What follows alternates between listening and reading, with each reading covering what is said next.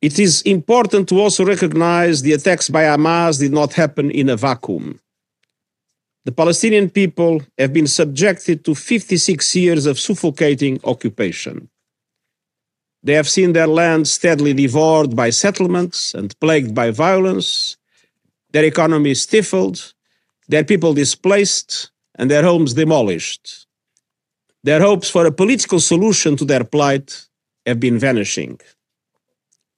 But the grievances of the Palestinian people cannot justify the appalling attacks by Hamas, and those appalling attacks cannot justify the collective punishment of the Palestinian people. Okej, okay, så han börjar alltså med att ursäkta, bortförklara och kont kontextualisera massakern. Och sen säger han ingenting kan ursäkta massakern. Och ingenting kan urs ursäkta kollektiv bestraffning som Israel nu gör. Det är så efterblivet. Du, du liksom kontextualiserar. Ska vi, ska vi kontextualisera kristallnatten? Ska vi snacka om, om liksom hur, hur fransmännen har förtryckt islamister och därför fick den här, eh, det här terrordådet som dödade 130, eh, det var ju 2015 någon gång. Alltså, tänk, tänk om responsen hade varit att vi ska liksom Ja, men det här hände inte i ett vakuum.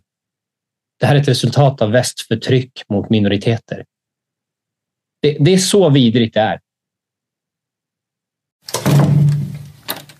Ja, men om vi säger så här då. Eh, Sovjetunionen riktar eh, 22 000 kärnvapenstridsspetsar mot USA. Om de skulle släppa iväg dem under kalla kriget så skulle i princip hela USAs eh, befolkning förintas. Mm. Är det ett folkmord? Om deras explicita mål är att, att utrota eh, den mm. amerikanska Ja, jag bara ställer, du förstår varför jag ställer frågan. Alltså, man, man, eh, alltså, man kan komma i ett läge där, där man måste med massbombningar eh, och, och sådär döda mm. mängder med människor. Men, men vi är ju inte alls där i närheten i det här kriget. Det ju... Nej, alltså var det ett folkmord? Alltså Hiroshima och Nagasaki, var det ett folkmord? Mm, ja, ja, precis. Ja, det, det kan man säga. Jag vill påstå att det inte var det, för det, eh, mm. Amerika, alltså, eh, USAs explicita mål var att, att, att, att eliminera hotet från Japan. Och De insåg att, att eh, den extrema regeringen där, de, de skulle inte ge sig efter en atombomb. Det behövdes två. Mm. Ja, ja det, det, är väl någonting som, som historiker diskuterar, huruvida... Mm. Ja, för huruvida... annars varför bombade de inte hela Japan? Om, om deras mål var att eliminera... Alltså, folk, omvärlden De hade bara två atombomber. Ja, okej, okay, men de kunde ju fler. Men de hade dröjde ett par år innan de fick nya. Och det, detsamma gäller då Israel. Nej, Om Israels mål... Det, det fann, jag bara säga med Japan, det fanns faktiskt även eh, grupper, eh, en, en, mindre fraktion innan eh, eh, som eh, ville ge upp innan och även en mindre fraktion av den japanska eh, statsledningen som ville fortsätta slåss även efter de hade släppt de här bomberna. Yes. Alltså, verkligen till sista man. Yes. Men, eh, men, ja. men låt oss bemöta det här mm. med att de kallar det som alltså Israels försvarskrig nu mot Hamas eh, folkmord. Mm. Ja, men det kan vi göra. Det, det är ju löjligt. Ja, det, det, är det. Det är ju så att man... Det är fullständigt enligt krigets lagar sådär, att fullständigt tillåtet att anfalla, bomba med artilleri positioner där det finns både civila och militära mål. Särskilt om de militära målen gömmer sig bland de civila. Då får man, mm. man ska Till och med sjukhus. Ja, man ska inte, inte för att jag förespråkar bombandet av sjukhus. Och man ska vidta, Till och med sjukhus, skolor. Ja. Eh, men, men precis, man, man, ska försöka varna, man ska försöka vidta försiktighet och göra alla sådana här grejer. Och. Det, det, har ju, det har ju Israel gjort. Så det gör Israel. De varnar med eh, flygblad. De varnar med sådana här eh, knackbomber eller vad de heter. Eh, de varnar också i, i, i palestinernas egna telegramkanaler, WhatsApp och så vidare. dessutom så har nu kriget härjat i snart tre veckor.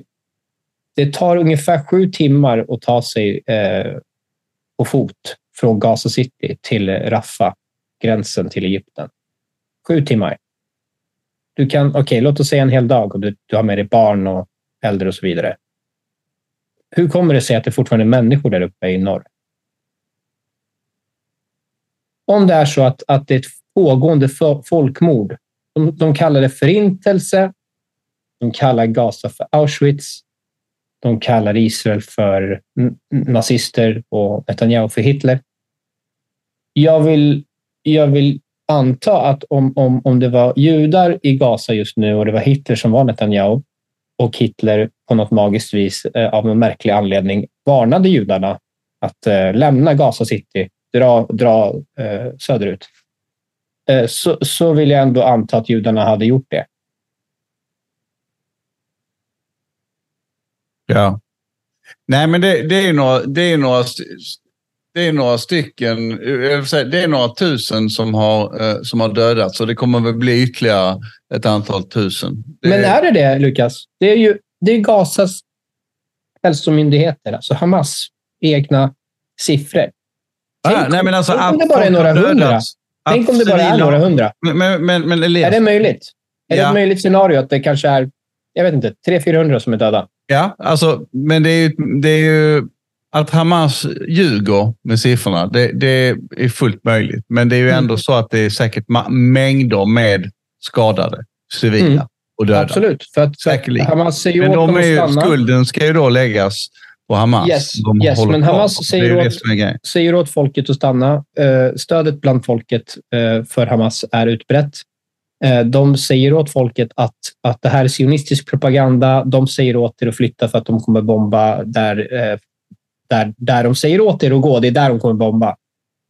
Och det här vet, vet vi för att, att eh, IDF delar, eh, de har infiltrerat eh, Hamas egna kanaler på WhatsApp och Telegram och så vidare.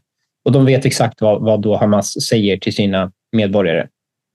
Men det, man får väl också se det här med stöd i en sån här situation. Alltså, som, som enskild palestinier så är man ju väldigt utsatt från alla håll, även om man inte gör... Jag kan mycket väl tänka mig att eh, det finns en slags sån här Stockholmssyndrom i, mm. i det här också. Att Definitivt. Man, man, uh, you're rooting for your oppressor. Du, yes. Man blir... Det, det, dessutom så har de ju rätt att förtryck eh, leder till radikalisering. Det har de rätt i. Det är bara att, att, att, att eh, man kan inte skylla eh, alltså massaken på Israel på grund av förtryck. Det, det, då har man nej, nej, det är ju verkligen sloppy thinking. Det, det yes. är, verkligen, det är verkligen en slapphet i, i, i yes. närmast antiintellektuellt.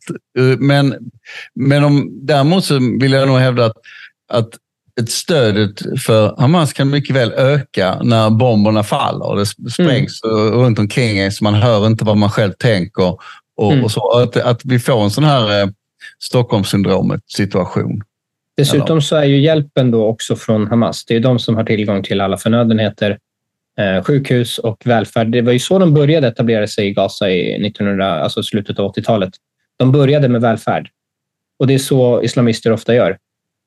De börjar i moskéerna, de börjar med liksom familj, de börjar med välfärd. Ja, nej, men det är, här, det är lite soppkök, välgörenhet, sådana saker. Yes. Och, och, eh, sen så är det ju också då att de är, är inte alls så korrupta. Eh, eller de var inte det då. Mm. Men de har ju blivit. Och så har de ju tunnlar under Gaza på flera hundra kilometer. Alltså det, det, det är typ större än Stockholms tunnelbanenätverk. Eller det, är så här, det är massa tunnlar eh, där de förmodligen gömmer sig. Eh, medans gemene man har inte till, tillgång till tunnlarna. Eh, gisslan förväntas också vara där nere. Men det är därför också Israel begränsar eh, importen av, av bränsle. För att tunnlarna är beroende av eh, bränsle för ventilationen. Så de väntar ju ut terroristerna Eh, att bränslet ska ta slut. Och då blir frågan, kommer, kommer Hamas prioritera bränsle till tunnlarna eller prioritera till, till sjukhus? Jag tror tunnlarna har högre prioritet. Ja, nej, det, vi, vi, får, vi får se vad som händer. Men slut, i och med att de har bestämt sig, som, som jag har fattat det, så har Israel nu bestämt sig för att de ska döda hela Hamas. Jag tror det, det är väl 30 000 yes. soldater och det kanske är 25 000 kvar nu eller någonting. Då, ja. då, Och de tänker döda dem och sen får helt enkelt de civila som står emellan får lasta, Hamas lastas för. Som ska göra. Det, yes, det jag, var, jag var inne på uh, Twitter Spaces, eller X som det nu heter, um, i förrgår tror jag. Och han, har ni hört om Son of Hamas? Mossab. Ja, han var ju son till en av, en av grundarna till Hamas. och han, han eh, konverterade till kristendomen, lämnade Gaza och eh, avslöjade liksom hela operationen och har blivit eh, extremt kritisk nu mot Hamas och eh, pro-Israel och så vidare. Så han, han, var inne på, på X och eh, körde ett, ett, space och jag frågade han hur han... För han, han, han var ganska optimistisk lät det som. Det var som att han sa att ja, men Israel kommer... Det är liksom Eh, de kommer inte ge sig förrän Hamas är fullständigt eh, eliminerade. Och Det håller jag med om, han om. Men frågan är hur eliminerar man en ideologi? Det är omöjligt. Du kan, du kan ju döda alla ledarna eller liksom alla uppenbara medlemmar av organisationen, men sen har du ju sympatisörer och folk. Det är inte så att, att man kan se vad folk tycker och tänker. Eh, så hur, hur gjorde man med nazismen? Det, det dog ju delvis med Hitler, men, men ideologin överlevde ju på många sätt och överfördes till, till Mellanöstern. Alltså det, delar av, av Hamas bygger ju också på, på den nazistiska ideologin. Men eh, jag skulle väl svara på den frågan. Det är ju genom lång, långsiktighet och materiella förändringar. Jag, jag, kan inte se något annat än... Eh, nu tappar jag bort mig. Ni får klippa detta här. Jag, det var något jag skulle säga. Fan. Nej, alltså man, kan ju, man kan ju döda mm. många medlemmar och så vidare. Eh, men jag, ser, jag frågade han också om eh, liksom Israels eh, post-war-strategi. Vad ska man göra sen om man, om man på något magiskt vis har lyckats eliminera Hamas eller i alla fall deras förmåga att, att utgöra ett hot mot Israel? Ja, nu, nu kommer jag på det. Den här, den här snubben som, som vi kallar, kan kalla då den här israeliska extremisten mm. högerextremisten som, som hade folkmord på programmet, eh, an, mm. anklagas han för. Eh, han, jag håller inte med honom där, därför att om det han inte tog upp, det var ju de två miljoner muslimska palestinier som bor inne i Israel. De är ju inte särskilt radikaliserade. De är Exakt. ganska chill. Och Exakt. de stöder absolut inte Hamas. Det är två miljoner israeliska medborgare med, med Ja, jag tror det är närmare 1,2, men det är, det är, ja, okay, det är, ja, förlåt. Ja, ja, 1,2. Det är en stor minoritet och, och där tror jag du har en viktig poäng. För att vissa av dem... Men, men vänta, vänta Elias. Poängen är ju här. Det, det, det är ju bindande bevis för att han har fel. Att man genom att man helt enkelt arbetar och går i skolan och bara har ett jobb och, och, och, och så, så, så släpper radikaliseringen. Yes. Det är jättebra poäng. Ehm, jag tror det är såklart vissa inom den eh, demografin som, som hyser extrema åsikter, men eh, den absoluta majoriteten av dem är eh, fredliga. De, de är inte extremister. De, de, de har ju israeliskt medborgarskap. Ehm, och anledningen till att de inte är extrema, det är ju för att institutionerna som, som de här människorna ehm, utvecklas i och utbildas i är ju kontrollerade av, el, av Israel. Um, och det är därför de, de går inte igenom samma radikaliseringsprocess som, som palestinier i Gaza eller i Västbanken gör. Jag tänkte det att om, om Hamas har styrt skol, skolutbildningen sedan de tog över 2006. Mm. Så de som är i 20-årsåldern nu, som är 20-25 år och som, som gjorde de här uh, atrocities, uh, mm. gjorde de här anfallen och de här Eh, de här massmorden, de är ju alla uppväxta och gått i de här skolorna. Yes. Och i de skolorna så hyllar man martyrer. Eh, det är liksom den, den uppenbara eh, role model är att bli en martyr. Det är det bästa du kan göra. Dö som martyr för palestiniernas sak och ta helst med dig några judar. Det är egentligen konstigt att det inte är fler Hamas. Att de är bara 30 000 av två miljoner. Yes, och, och där, här är det ju relevant att snacka om, om UNRWA och eh, deras skolor som, som till väldigt hög grad är infiltrerade av Hamas. Um, det finns ju UNRWA-skolor i, i Gaza och i, i Västbanken Och, Finns det eh, några andra skolor i Västbanken? Jag, jag, borde, Ja. jag borde veta. det, finns, det finns sekulära skolor, det finns eh, skolor som är styrda av den palestinska myndigheten. Och eh, UNRWA-skolorna är för de som är registrerade som flyktingar. Och det är inte alla palestinier som är det. För de, de palestinier som stannade som inte... Ah, liksom- Okej, men jag talar bara om Gaza. Vi, vi lämnar Västbanken där. Ja, men även, även i Gaza så har du då skolor som är kontrollerade av Hamas. Och det roliga var att jag lyssnade på Aron Flams podd eh, häromdagen med eh, Tobias Petersson om just UNRWA. Och där berättar de om en palestinier som hade gått i både en, en Hamas-styrd skola och sen i en UNRWA-skola. Och han sa att, att en Hamas-skola var mindre extrem än UNRWA-skolan. Och det är ju ganska, ganska speciellt. Men alltså vadå, att de bara har 30 000 man? Det kanske har att göra med deras infrastruktur. De kanske inte kan försörja mer än 30 000 man. Ja, fast det är ju ändå... Eller alla tullar och så många är ju vidare. unga.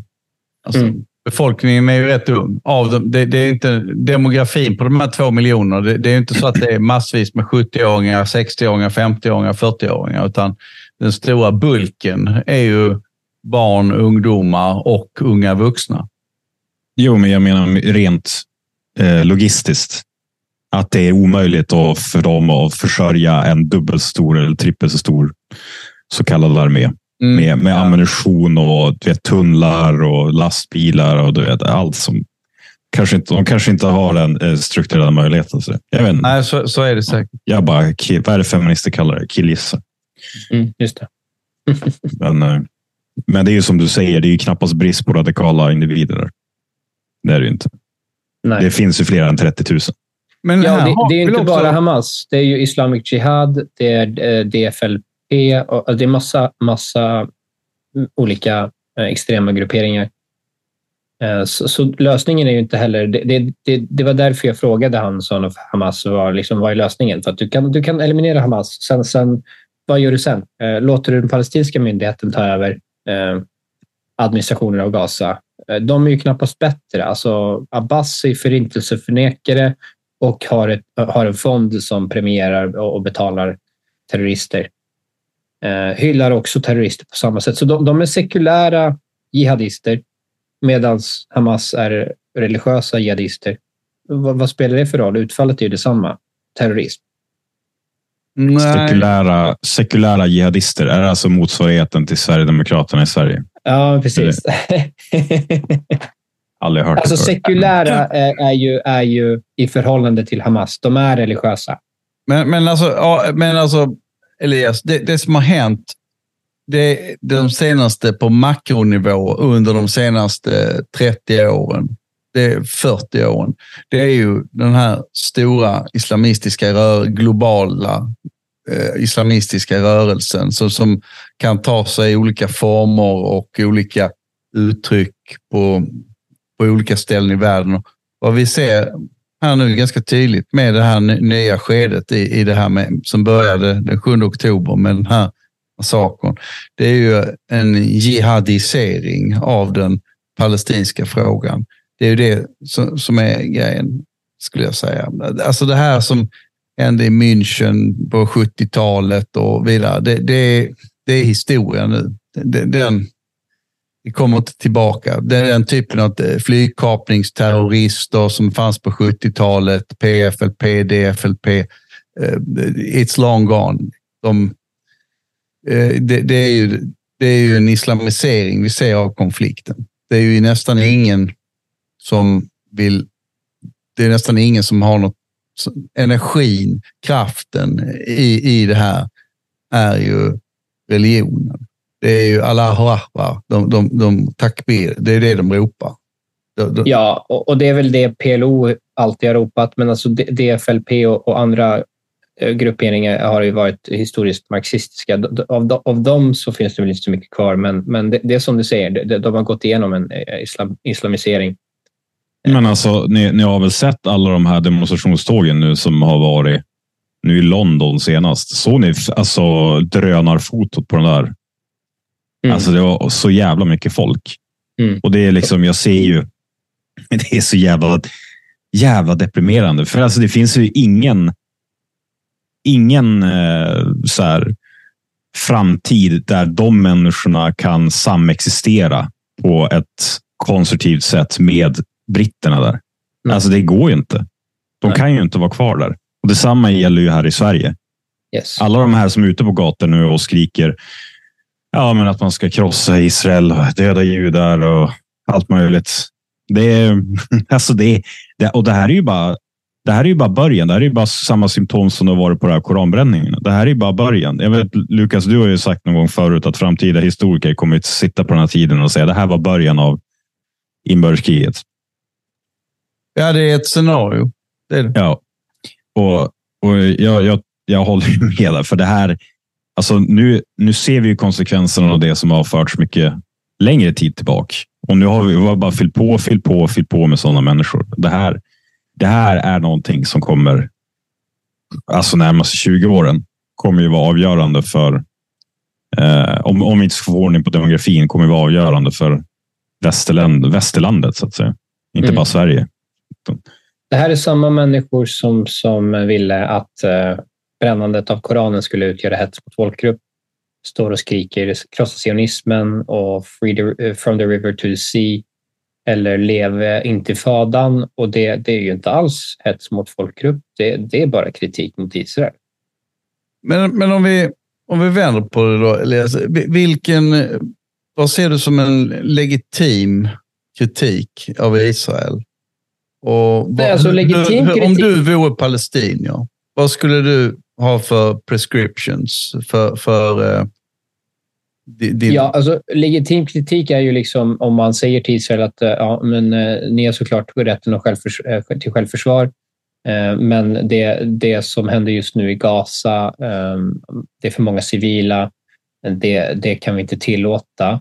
Men när man säger det, då måste man också erbjuda ett alternativ. Man kan inte bara säga ja, ni, ni måste skicka in typ en elit Eh, grupp som ska eh, infiltrera och eliminera Hamas. Det, det är ju heller liksom, de flesta bara fördömer. Och så, och, så, och så överdriver de och så säger de att det här är folkmord och det här är Israel vill bara fördriva. Och de mest extrema säger ju att Netanyahu visste hela tiden och det här var false flag operation bara för att få en ursäkt att fortsätta folkmordet. Men legitim kritik mot Israel, det är ju legitim kritik mot, mot typ Sverige som stat. Som stat. Alltså när, man, när man kritiserar vanlig politik eller eh, alltså det, när, man, när man kritiserar... Jo, men om jag, om jag, är, eh, om jag är palestinsk nationalist, hur ska Mm. jag gå, gå tillväga då? Man kommer ju med, med eh, diplomatiska lösningar. Man ska sätta sig ner och förhandla. Abbas vägrar ju sätta sig ner och ens diskutera saken med, med eh, Netanyahu eller med, med israeliska representanter. Ehm, så, så det hade ju varit om, om man, om man satte sig ner och liksom snackade först eh, och eh, kom med något förslag på en lösning. Det har de inte gjort. Ehm, Mm. Senast var det väl i 2008 som Olmert erbjöd dem hela Västbanken, eller 94 procent av Västbanken, hela Gaza, 3 miljarder dollar i kompensation till palestinska flyktingar. Och eh, Abbas bara gick därifrån och bara nej, det här ska vi inte ha. Mm. Och efter, vi, efter, efter då hela den historien när vi liksom har sett att Israel har, har gjort betydliga eftergifter och erbjudit olika tvåstatslösningar, eh, tackat ja till alla tvåstatslösningar, då, då, då alltså jag, jag tycker kravet från palestinier till en egen stat, den är förbrukad. De har inget legitimt krav längre. För de, de har valt fel sida av varenda jävla konflikt och de har valt att kriga istället för diplomatiska förhandlingar. De har valt terrorism istället för fredliga demonstrationer. Alltså palestinier kan ju liksom, de kan ju eh, de kan ju strejka. Alltså det är ju de är en stor del av befolkningen i Israel och eh, en, en, en stor del av alltså hela Västbanken, Gaza och så vidare. Eh, och Gaza har ju Israel redan lämnat, så om de bara inte hade terroriserat så hade Israel redan norm- normaliserat sina förhållanden och eh, de hade kunnat bygga ett, bra liv i, i Gaza. Det finns ingen anledning till att det liksom inte skulle funka. Ja, det, Så de i Gaza har ju egentligen... Ja. där tar du upp någonting som, som är intressant. Det här med när du säger strejka. Det är ju lite grann det som är problemet, eller det som är den, vår nya förändrade värld, det är ju att de fattiga i världen, och om vi tar, vi kan ju se då liksom Israel, Palestina, hela det området som en, ett mikrokosmos av, av världen i stort mellan väldigt många som är väldigt låg utbildning och ja, liksom fattiga och så. Det är att det nya i den här världen, det är ju att de behövs inte. Man sa ju förr att de, de fattiga och utsugna. Men de här är ju inte utsugna. De, utan de lever ju istället på smulor från andra.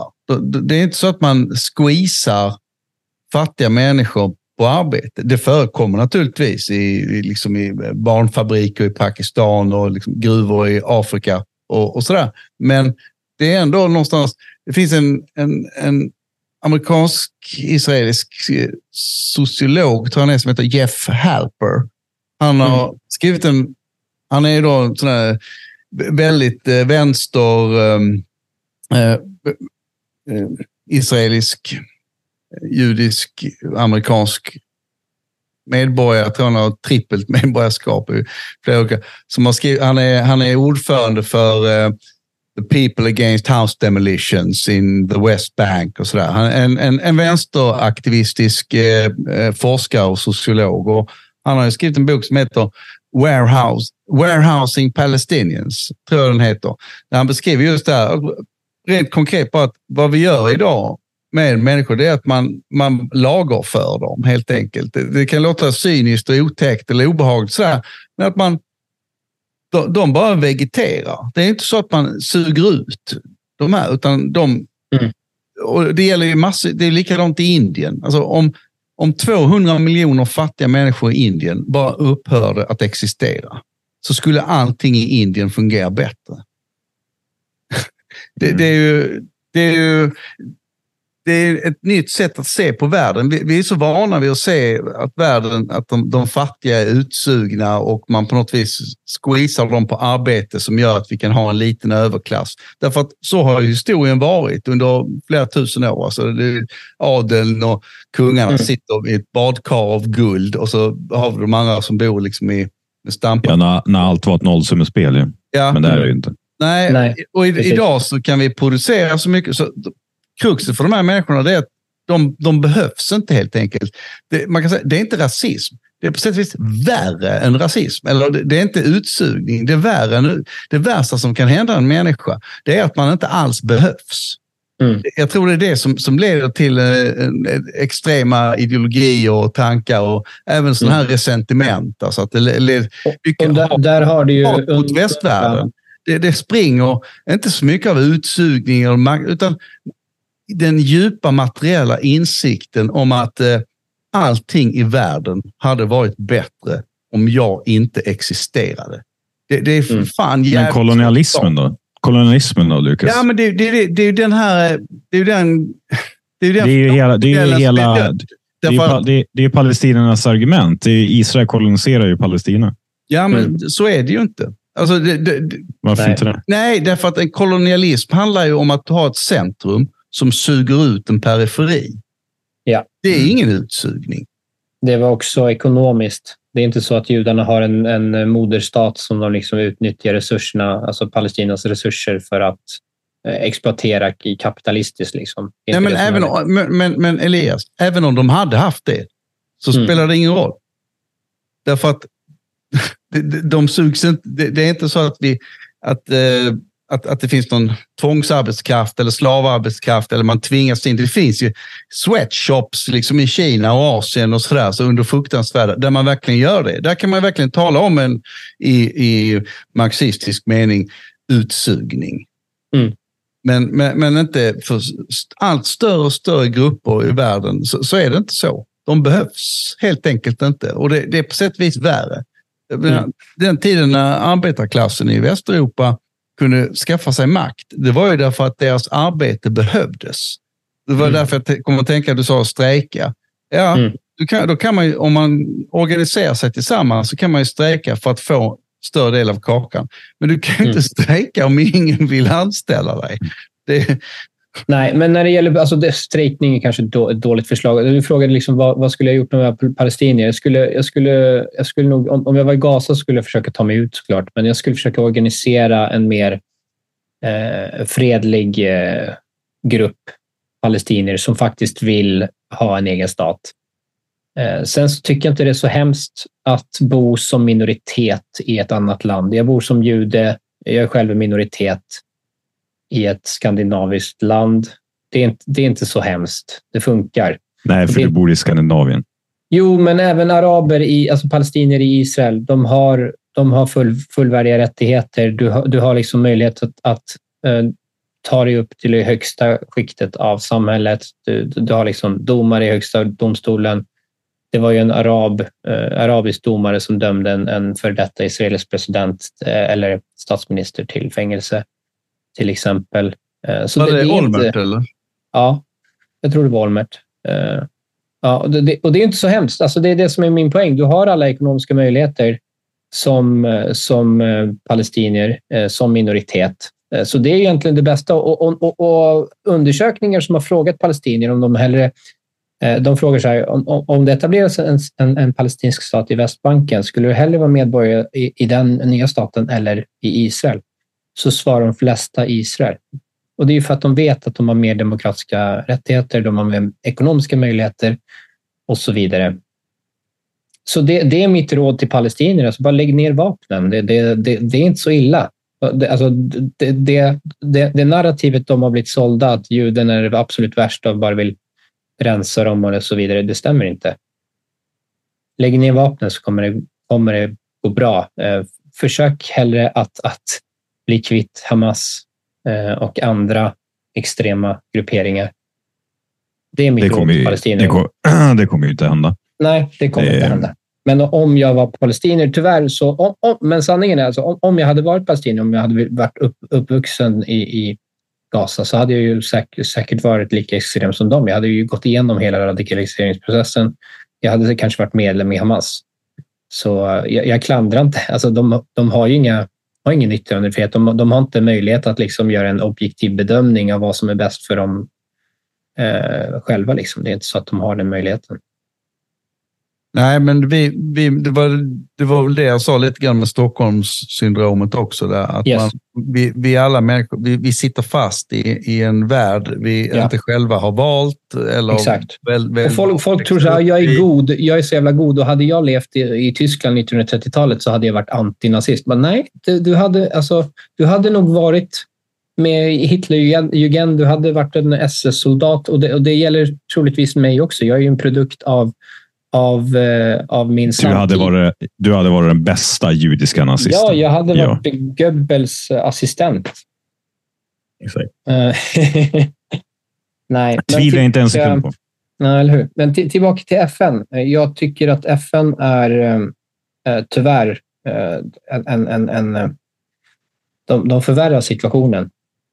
De hade en resolution häromdagen där de skulle fördöma Hamas som blev eh, nedröstad. Och sen hade de en res resolution om vapenvila som eh, de röstade igenom. Där, där eh, la ju Sverige ned sin röst, tror jag, och, men Norge röstade för. Och det, och det är ju det är ju detsamma som att neka Israel sin rätt till självförsvar. Om man nu kräver vapenvila utan att erbjuda ett alternativ, för det finns inget alternativ. Det, det finns ingen möjlighet att, att eliminera eller ja, eh, men, men det är väl därför att de sitter fast. Den som säger då det, då sitter man ju på något vis, där kan man väl också ha lite förståelse att man sitter fast i det här eh, narrativet om eh, fred och förhandling och mm. nu måste vi sätta oss ner och eh, yes. vi, eh, dialog. Ja, det är fortfarande tvåstatslösningen. det är det jag menar med det reflexmässiga eh, yes. svaret här. Att, att det, yes. Och det var det jag menade också. För då, vad är det tektoniska skiftet i det här? Att nu, nu är det ingen mer man kan inte sluta fred med människor som... Det, som nej, men det är ju det som är det efterblivna. Vi har försökt nu i 70-80 år med en tvåstatslösning. Palestinierna vill inte ha en tvåstatslösning. Judarna vill inte ha en tvåstatslösning. Det är ingen som vill det. Det är bara omvärlden som fortfarande tror att det är lösningen, som ingen vill ha, som aldrig har funkat. För palestinierna, om, om deras mål var att ha en egen stat, då hade de haft det för länge sedan. Det är den här konflikten mellan rättvisa och fred. Mm. Att, eh, om, om man vill ha fred så, så, kan man inte få rättvisa. Alltså man Mm. kan aldrig få precis det man vill. Man kan aldrig, och, och, och, så. och visst, man måste ha någon form av rättvisa. Men, men, eh, för att man ska kunna acceptera fred. Men Och det är genom- ändå- den grejen att det kommer all, om man vill ha någon absolut rättvisa så, så kommer, är det ett recept för evigt krig. Ja, och det, och det är genom våldskapital som man tyvärr får igenom sin vilja. Så, så när turkarna förlorade första världskriget och det Osmanska riket upphörde att existera så ville man ju egentligen att hela, hela det Osmanska riket skulle fördelas bland eh, vinnarna. Men det vägrade. Turkarna hade ju kvar lite makt så de, de krigade i två år till. Sen fick de behålla Turkiet. Eh, och det är ju detsamma palestinierna har försökt. Okej, det, det, det är ju, de har försökt flera gånger kriga, men, men grejen är att när man förlorar ett krig så kan man inte komma med eftergifter sen när du förlorar. Då är det ju den vinnande parten som sätter premisserna för det, vad som gäller. Och Det är det som är så efterblivet med Palestina. De, de förlorar krig på krig på krig och ändå så kommer de med krav med eftergifter och liksom eh, kräver full, fullständig kapitulation av Israel. Krossa sionismen. Ja, men det är ju den här hederskulturen, kränkthetskulturen. Det är ju det. Man kan inte acceptera ett nederlag. Men problemet är ju att omvärlden fortfarande legitimerar det. Som bara, "Ja, Palestina tvåstatslösning, de förtjänar en egen stat. Nej, de förtjänar ingen egen stat. De, den, den rätten är förbrukad för länge sedan. Ja, det är väldigt islamofobiskt av sig. Ja, väldigt problematiskt. Men, men tillbaka till det här med 100 000 pers på, i, i, i- London igår. Um, tusentals här i Oslo häromdagen. Det var väl säkert några tusen på Sergels torg också. Va, vad, vad tänker du Pontus? Hur, hur löser man det här? Det är, med, med dagens politiska lösningar, det går inte.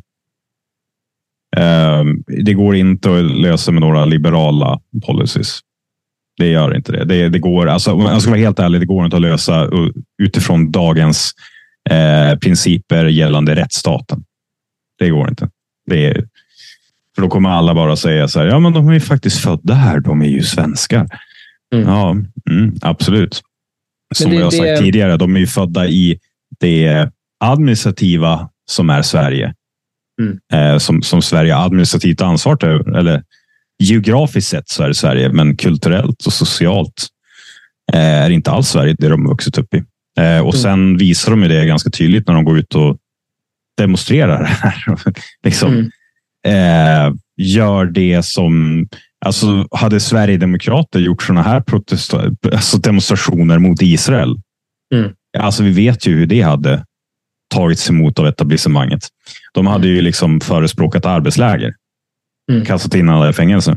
Det som Men, hade eh, varit kul om, om, om SD dyker upp under de här pro-Palestina demonstrationerna och skanderar inga nazister på våra gator. Mhm. Ja, det hade varit kul trollning. det hade varit jävligt kul. Ja, Men, eh, nej, men jag tror du har rätt i din analys. Jag tror att Karl Popper hade rätt när han sa med att man måste bemöta intolerans med, med intolerans. Och eh, tyvärr så måste Sverige och Skandinavien, Europa generellt och också Israel nu bli mycket mer intolerant för att eliminera intoleransen fullständigt. Sen kan man kanske gå tillbaka till att bli mer tolerant igen, men man glömde Poppers princip. Man blev man tolererade intolerans och välkomnade alla slags märkliga skitkulturer eh, från runt om i världen och säger att alla kulturer är lika mycket värda. Alla ska få behålla sin egna kultur och detta är resultatet. Mm, ja, det är faktiskt, du vet, det är därför man blir ibland lite så här konspiratorisk och tänker bara, men alltså vilken femåring som helst förstår ju att om man tar hit människor som har diametralt annorlunda värderingar än vad du själv har, att det kanske blir en konflikt om de är tillräckligt många. Men eh, det är det vad ideologi gör med folk. Det tar Mm. bort eh, det rationella. Alltså om det är do- dogmatisk ideologi, som till exempel vad man ska nu kalla det, eh, globalismen eller nu, inte globalism i form av frihandel och ekonomisk tillväxt, utan globalism i form av öppna gränser och alla människors lika värde. Mm. Det tar ju bort lite det här rationella tänkandet till att ja, det kanske finns konflikter mellan de här olika värderingarna. Eh, Mm. Men det, så därför är det ju bara det är ren inkompetens. Även fast många vill få det att tro att det har en så här jätte, det är jättestor bakomliggande genialisk plan i bakgrunden.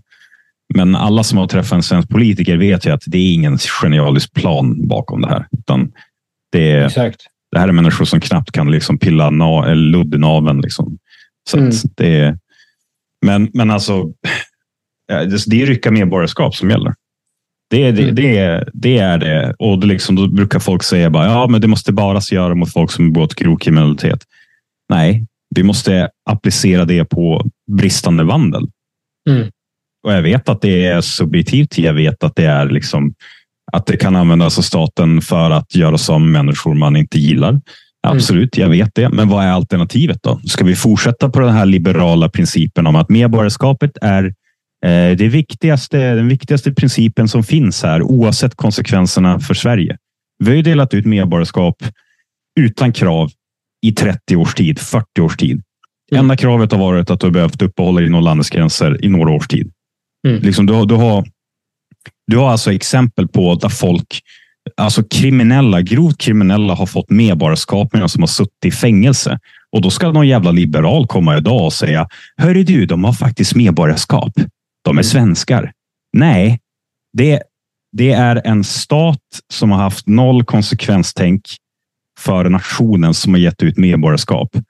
Det, det har noll Noll värde, noll legitimitet. Det är, ju legitimi- alltså det är legitimiteten i medborgarskapet som är det primära. Är det ingen Ja. legitimitet i medborgarskapet, då, då är det bara ett bit papper.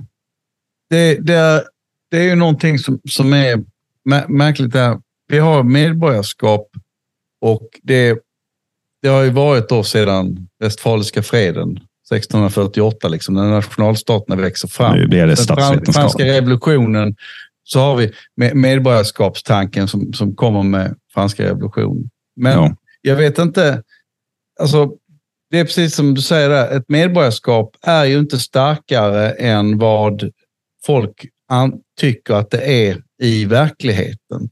Det är Nej. lite grann som valutor, eh, att, eh, eh, eller pe- pengars värde. Om, Mm. Bara så länge alla är överens om att det, det är ett värde så har Alltså, det är bokstavligen- Men om det det, inte har så. ett värde, om, om vi skulle dela ut svenskt medborgarskap till låt säga en miljard människor random Mm. på jordklotet. Då skulle ju vär- värdet vara noll därför att alla andra länder skulle inte acceptera det svenska medborgarskapet som värt vatten. Nej. Mm. Och, Det är, alltså, det är, det är exakt det är bra liknelse. Det är exakt som, som valuta. För att du har ju, ska man då säga att den eh, fria marknaden motsvarande för medborgarskap. Det är ju ländernas uppskattning av hur säker, så här, hur, hur man ska definiera eller eh, klassificera människor från olika länder. av, klara av att sköta eh, och eh, rundgången i, i ett land. Hur mycket man klarar åter eh, reproduktionen av landets grundläggande tillgångar.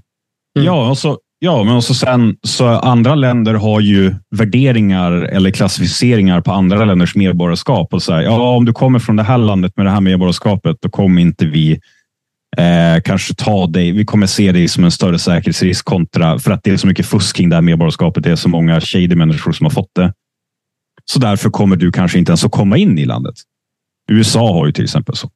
Eh, så, och, så det är ju bokstavligt talat så att medborgarskapet hänger ju inte bara på legitimiteten hos, hos den inhemska befolkningen utan även hur omvärlden ser på medborgarskapet. Ja, och det, det är ju medborgarskapet i Afghanistan är ju inte värt någonting. Nej, nej, nej. Eh, Men har ni, har ni hört på uh, God ton de senaste avsnitten?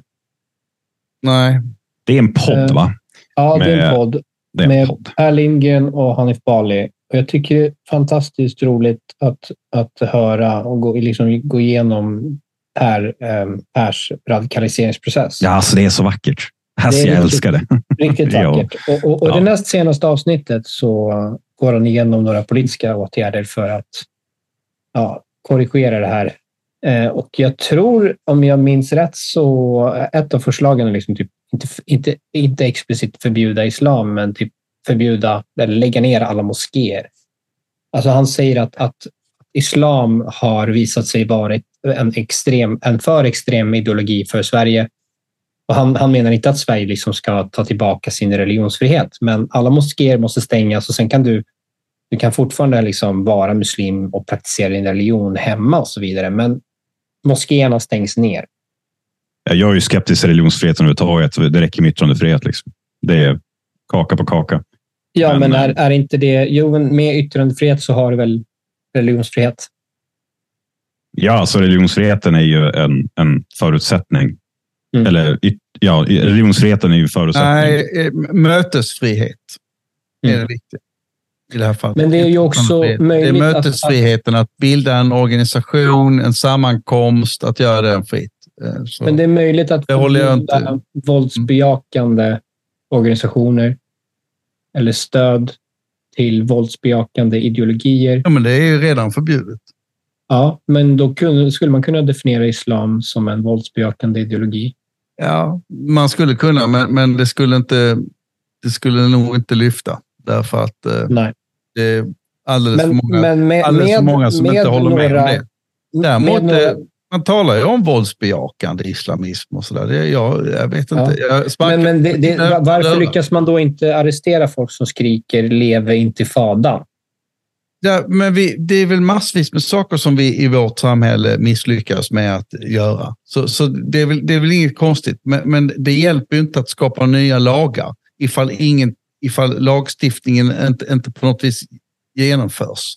Felet ja, är, väldigt sällan lagstiftning. Väldigt man sällan. Det är hur man tolkar, vänta, hur man tolkar och implementerar den.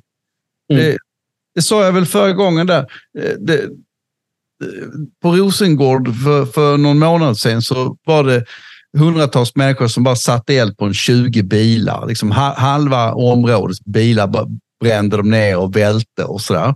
Ja, då stod ju polisen bara och tittade på mm. och, och, gjorde ingenting det, det, det, spelar väl ingen roll hur många poliser vi har då? Ifall polisen, vilken har, ja, vi behöver ha fler poliser. Nej, varför det? Ifall polisen inte gör någonting, utan bara stå, spelar det ingen roll om det, om det är 40 poliser som tittar på eller ja, Det är ju polisledningen som ger order. Som tittar på. Och det är ja. lite grann samma sak här. Du, du kan ju stifta vilka lagar du vill. Så länge, de, eh, så länge inget händer så spelar det ingen roll. Det var, det var bara det jag menar. Ja, Nej, jag, jag håller med om det. Men sen det här med att lägga ner alla moskéer. Så bara, ja, jo, absolut. Jag har inte sett men... det, så jag vet inte vad ni talar om. Jag tar avstånd från detta. Ja, ja men vad bra. jag kanske parafraserar, vi, vi, men, vi, men han sa men, någonting. Jo, men det är många. Det är många alltså, jag tror Per förstår problematiken, men jag tror väldigt många, du vet de här medborgarsamling folket som är, du mm. vet, Eh, de hade ju med någon från Medborgerlig Samling i ett avsnitt där de pratade om ja, men hur det finns moskéer eller mus muslimska församlingar som försöker ja, men typ fuskar till sig pengar och tillstånd att bygga moskéer och så vidare. Kontra, alltså, kopplat till Stockholms stad och annat. Eh, så sa hon bara, ja, alltså det här är inte. Hon sa väl någonting i stil med att nej, men det här är inte okej, okay, för de följer ju inte regelverket. Och det så bara, jaha, så om de hade följt regelverket så skulle de ha fått alla pengar och fått bygga sina moskéer. Mm. Det, det är det här de inte, det är det här de här människorna, borgarna, inte riktigt förstår än. Att det här handlar inte om att det, bara för att de följer ett regelverk så betyder det inte att de vill bli en del av Sverige. Mm. De vill, de, deras ut, alltså uttalade mål, eller kanske inte eh, explicita, men, men det är ju ett uttalat mål i alla fall. Det är att de vill skärma av sig och skapa en egen del, en egen nation i Sverige. Det är ju det. Så men absolut, de ska få göra det så länge de följer regelverket. Mm. Det talar om eh, separatism. Ja, exakt. Ja. ja. men jag tror man skulle kunna få, vi har ju diskuterat det här tidigare också, men jag tror vi, man skulle kunna få massa gratis återvandring genom några få enkla åtgärder som, som det där bland, bland annat. Men, men liksom, om du gör det tydligt för islamister att, att, att uh, den formen av islam, eller ja, extrem islam, inte kommer tolereras i samhället och att till exempel förbjuda hijab för minderåriga, eh, kräva förskola för absolut alla barn. Um, Alltså, ja, jag, är, jag är för det. Men Mm. alltså, folk måste ju fatta att det är inte 1990 längre. Mm. Alltså, hade vi förbjudit det 1990 hade det knappt blivit några liksom, konsekvenser på samhällsnivå i Sverige överhuvudtaget. Men nu är det 2023. Två och en Mm. halv miljon invandrare senare. Mm.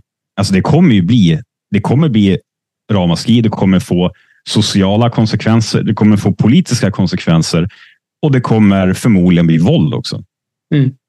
Och om du är villig att bemöta det och stå fast vid din ståndpunkt, absolut. Mm. Men du kan inte gå in i det här och half-assa det och köra. Nu ska vi förbjuda eh, hijab nej, och så sen när de möter reaktionen så är det så, åh nej, vänta, det här kan vi inte göra. Då, då, för då kommer det bara bli värre. Då kommer de Du hade liksom, också kunnat identifiera dem genom att om, om till exempel Ulf Kristersson gick ut nu och, och gav sitt fulla stöd till Israels försvarskrig och eh, sa att eh, sådana här lever inte fada och så vidare, det kommer inte tolereras och uppmanade poliser att, att eh, arrestera alla som uttrycker sånt. Ehm, och att han förväntar att också svenskar förs förstår um, försvarskriget mot jihadism. Hade han sagt något sådant så hade man, då hade det ju som du säger, det hade uppstått kravaller och eh, man hade ju lätt kunnat identifiera alla, alla som inte accepterar eh, det budskapet. Ja, det, det, alltså, jag, jag tycker det är jättebra att det här kommer upp till ytan, för det är ett jättebra sätt Mm. Alltså för Säpo eller andra säkerhetsunderrättelsetjänster att eh, identifiera alla som går de här tågen och så sen så, Om, om de nu gör det. vadå, om, de, om de gör det idag? Jag har ingen Ja. aning. Men, Man kan ju ja, hoppas, man kan ju drömma. Mm. Men eh, att de identifierar alla de som går på gatorna och liksom ah, uppenbarligen har det här antisemitiska hållningen. Och, Mm. liksom, och, och Det är det som är grejen också. Den antisemitis, ah, antisemitismen den tenderar att överlappa ganska bra med, eller ganska mycket med eh, alltså, hat mot svenskar eller hat mot Ja. Sverige. Ja. Det är inte som att de bara... Det är därför, jag har sett så folk skriva att de är förvånade över att oj, så mycket antisemitism jag ser. Det är alltså, Mm. hur, hur har det här hänt? Det här, jag förstår inte. Det är det är hemskt. Där. Så jag bara, ja, men, ni har väl sett utvecklingen kring råheten i kriminaliteten mot svenskar eller allmänna liksom, ska man säga, retoriken mot svenskar i de här områdena. Trodde ni liksom att de hatade svenskar och älskade judar? Alltså, Nej, det är exakt det. Du, du, du har, så, har så rätt i det. För att de, ser ju judar också, också i Israel, men också i, i, i Sverige. Att, att liksom judarna är ju... De, vi delar ju på många sätt liksom svensk kultur och eh, alltså sättet man lever på. Ja, liksom, jämställdhet, kvinnor som har rätt att gå lättklädda om de vill. ja, det är Det, inte det, är det, det, är ju det de Inte okej. hatar. Det är det de hatar både i Sverige och i Mellanöstern. Ehm, det, det, det är den kulturen de inte tolererar. Ja. Jag, jag, jag är inte riktigt med här. Jag, jag skulle vilja säga att det är en skillnad mellan, som jag brukar säga, då, det, är en, det är en skillnad mellan en förmodern och en modern kultur. Det är lite grann det som är krocken här. Det har inte så mycket med etnicitet och religion att göra. Alltså det är de, det är de yttre Men det är ju, det är ju sammanflätat. Ja, alltså det finns ju alltså, religioner och så, men det är ju vilken... Det, det är ju om man, är, om man har ett modernt, en modern samhällssyn, alltså en industrikapitalistisk samhällssyn, att man, man har formats av, av, av det moderna samhället eller om man lever i, eh, i värderingar som formats av ett förmodernt samhälle. Alltså vad ni vill, nomad. Liksom, hederskultur. Utan, alltså, eh, i, man, I ett samhälle utan en stark stat. Så det Mm. är antingen en, en eh, ja, släkt och klanen är det sociala skyddsnätet. Och därmed lojaliteten ligger där. Mm. Du, säger, du säger precis samma sak som jag gör, fast med andra ord. Ja, ja, ja precis. Men, men jag, skulle, jag skulle vilja beskriva funktionen. Det, det funktionella är skillnaden mellan förmodern. Och det är det här som är det intressanta då. För att sen har, har vi då det, det postmoderna.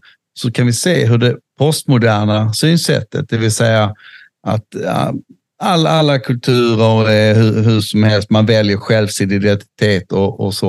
Och då Mm. blir det som att det postmoderna möter det förmoderna. Så kny, Mm. kny, knyts det samman i den här hästskon, mö, möter varandra där. Mm. Det, det är ju det som är... Ja, Det det, är ju bara gemensam fiende där. Alltså den, den gamla kulturen som den vita mannen representerar då. I Ja, det, det är ju då du får, när du möter då den förmoderna kulturen, möter den postmoderna, det är då du får det här queers for Palestine. Ja, alltså, det är så kul. Det är så jävla... Då, då får du en Queers for Palestine, liksom Ja. där, där eh, tra- transpersoner stödjer Hamas. Mm. Då, då, har, då, har du, då, har du, då har du nått hästskon gått ihop där. Yes. Nej, alltså det är inte en hästsko. Det är en Nej, hästsko men, på men min syra. poäng är här att där Ja. har du den yp- yppersta postmodernismen som möter den Yes. klassiska förmoderna samhället.